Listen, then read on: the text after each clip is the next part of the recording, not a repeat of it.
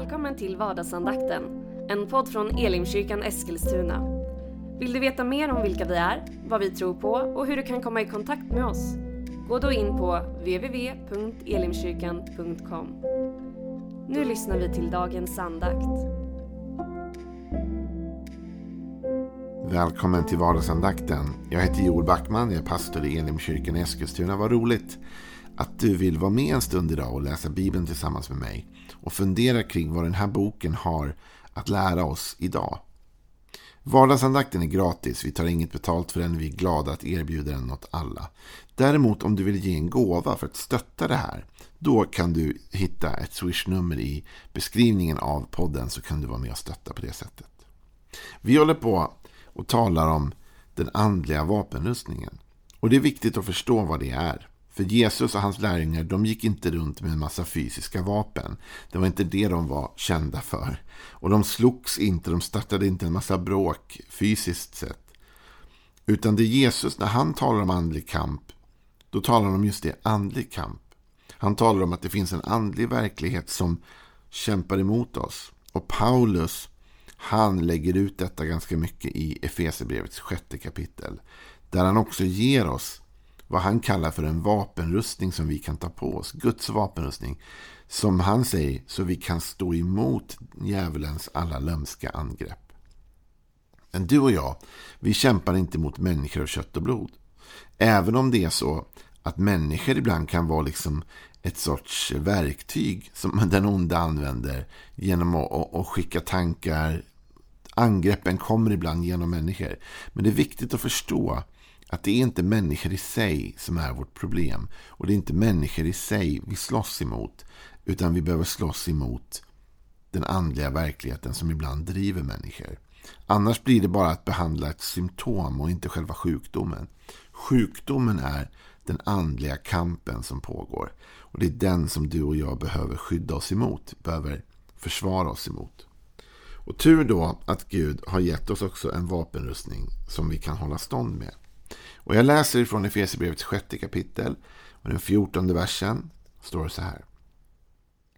Stå alltså fasta med sanningen som bälte runt höfterna och klädda i rättfärdighetens pansar. Bär som skor på era fötter den beredskap som fridens evangelium ger. Ta dessutom trons sköld. Med den kan ni släcka den ondes alla brinnande pilar. Ta emot frälsningens hjälm och andens svärd som är Guds ord. Gör detta under ständig bön och åkallan och be alltid i anden. Idag har vi kommit fram till vers 16. Ta dessutom trons sköld. Med den kan ni släcka den ondes alla brinnande pilar. Här finns det mycket att ta in bara i den här korta versen. För det första, låt oss stanna någonting med detta med de brinnande pilarna. Här står det, med den kan ni släcka den ondes alla brinnande pilar. Jag tycker det här är ett bra sätt faktiskt att se mycket på den andliga attack som finns på våra liv ibland. Det är inte en koordinerad attack, det är inte ett tillfälle ofta, utan det är som brinnande pilar som skjuts mot dig hela tiden och mot mig hela tiden. Som ständigt kommer emot oss. Och det är inte bara ett sätt som den onda använder för att attackera oss, utan han använder olika sätt. Det är många olika pilar som kommer från många olika håll. Och ibland kan det vara mer intensivt, ibland kan det vara lugnare. Men jag tror vi alla har varit med om tider i vårt liv då vi har känt som att det bara kommit det ena jobbiga på det andra. Och det känns som att nu är man mitt i en sorts attack. Man är attackerad av någonting. Och det kan vara vitt skilda saker som händer samtidigt. Men ursprunget kan vara detsamma. Det är den onde som sänder pilar mot dig och mig. För att få oss att tappa vår tro, tappa vår ork. Tappa vår kallelse att tjäna Gud. Men det finns ett skydd. Och det är det här som är skönt. Att det finns faktiskt skydd som Gud har gett oss att använda. Vapen till vårt försvar. Och i det här fallet så är det som skyddar mot de här pilarna som kommer farande mot oss. Det är trons sköld. Trons sköld är något fantastiskt som du och jag får använda oss av. Vår tro är ett beskydd. Och jag vill visa dig lite grann på ett praktiskt sätt hur. För det första kanske någon tänker, vad är tro egentligen för något? Ja, i Bibeln står det så här i Hebreerbrevet 11 och vers 1. Tron är en övertygelse om det man hoppas. En visshet om ting man inte ser. Någon bibelöversättning säger till och med att det är beviset på det man inte ser. Med andra ord, jag är övertygad av någonting. Jag, jag är inte så här, gissar inte som man kan säga när någon frågar Har du sett bilnyckeln? Ja, jag tror att den är i hallen. Och det finns en viss osäkerhet kring om den är där eller inte. Det är inte den typen av tro. Utan den här typen av tro vi talar om. Det är att man är övertygad om någonting. Man vet att det är så. Det är som att man har ett bevis på det. Det är bara det att man kan inte se det. Man kan inte ta fram det och visa det. Men jag vet att det är så. För mig är det till exempel så med det vi talar om som frälsningen. Jag har inget frälsningsbevis på ett sätt som jag kan lyfta fram. Jag har inte något jag kan visa dig. Hur vet du att du är frälst? Jo, jag vet att jag är det. Jag har tagit emot Jesus, jag har fått förlåtelse och jag är övertygad i mitt inre att Jesus Kristus har förlåtit mig. Och jag har gjort vissa saker, jag har döpt mig och annat som man kan se som små bevis på vägen. Men vad är egentligen beviset för min frälsning? Ja, det är svårt att ta fram eh, och visa. Jag är bara övertygad om att det är så. Och det finns mycket sånt här som vi är övertygade om. Tron är en visshet, ett bevis, en övertygelse om det man inte ser. Man vet att det är så helt enkelt. Och det är också vårt skydd. Därför när djävulen kommer till oss med brinnande pilar så är det alltid nästan för att så in tvivel i vårt liv. Han vill få den här trons sköld att spricka.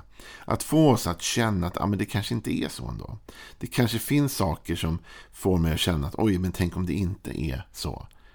Och så vill det sås in tvivel i mitt liv. Man kan ju till exempel tänka så här att jag är just nu och jobbar, jag gör den här podcasten. Min fru, hon är just nu på sitt jobb. Och det ser inte jag. Jag har inga fysiska bevis för det. Jag har inget som jag kan visa på att min fru är på jobbet just nu. Jag har inte någon foton som visar det. Jag har inte någon annan övertygning än det att jag vet att hon är där. Därför att vi skildes åt i morse. Hon åkte till jobbet, sitt jobb. Jag åkte till mitt jobb. Och jag är helt övertygad om att hon inte är där. Men tänk om det skulle, eller att hon är där rättare sagt. Men tänk om det nu skulle komma någon till mig och vilja få mig att börja tvivla på det här.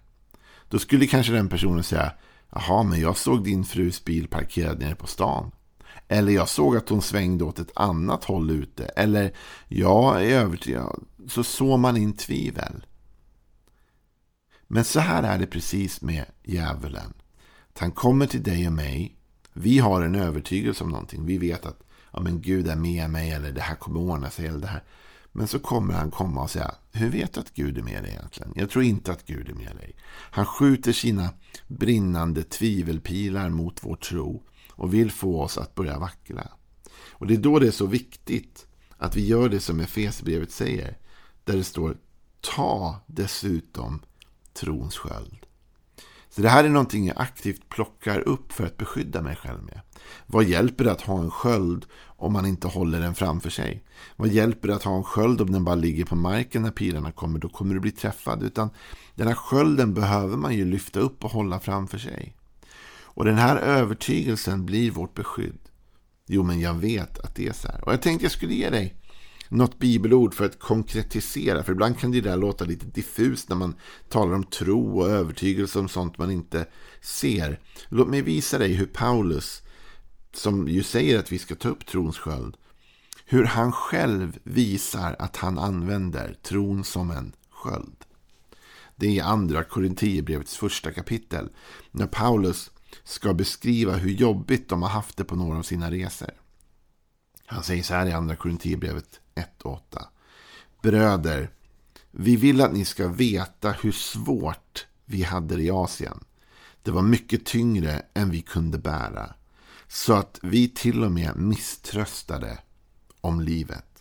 Ja, inom oss hade vi redan fått dödsdomen för att vi inte skulle lita på oss själva utan på Gud som uppväcker de döda. Från en sådan död räddade han oss och han kommer att rädda oss igen.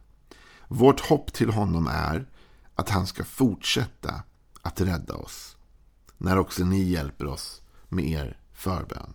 så kommer många människor att tacka Gud för oss för den nåd vi har fått. Paulus talar om hur jobbigt de hade det. Han talar om att de till och med hade det så jobbigt så att de började misströsta om livet. De orkade nästan inte ens leva längre. Det var så kämpigt när de skulle sprida evangeliet ut i vissa områden av världen på den här tiden. Ändå säger han att Gud räddade dem. Han räddade oss i den här tuffa situationen. Och så lägger han till en formulering. Och han kommer att rädda oss igen. Och man kan säga, men Paulus, vad har du för bevis på det? Vad, vad, hur vet du att nästa gång du är i det där området eller ett annat område att ni verkligen kommer reda ut situationen, kommer klara av det där? Hur vet du det? Svaret är att hans tro är beviset. Han säger, han kommer att rädda oss igen. Paulus har övertygat sig själv om detta.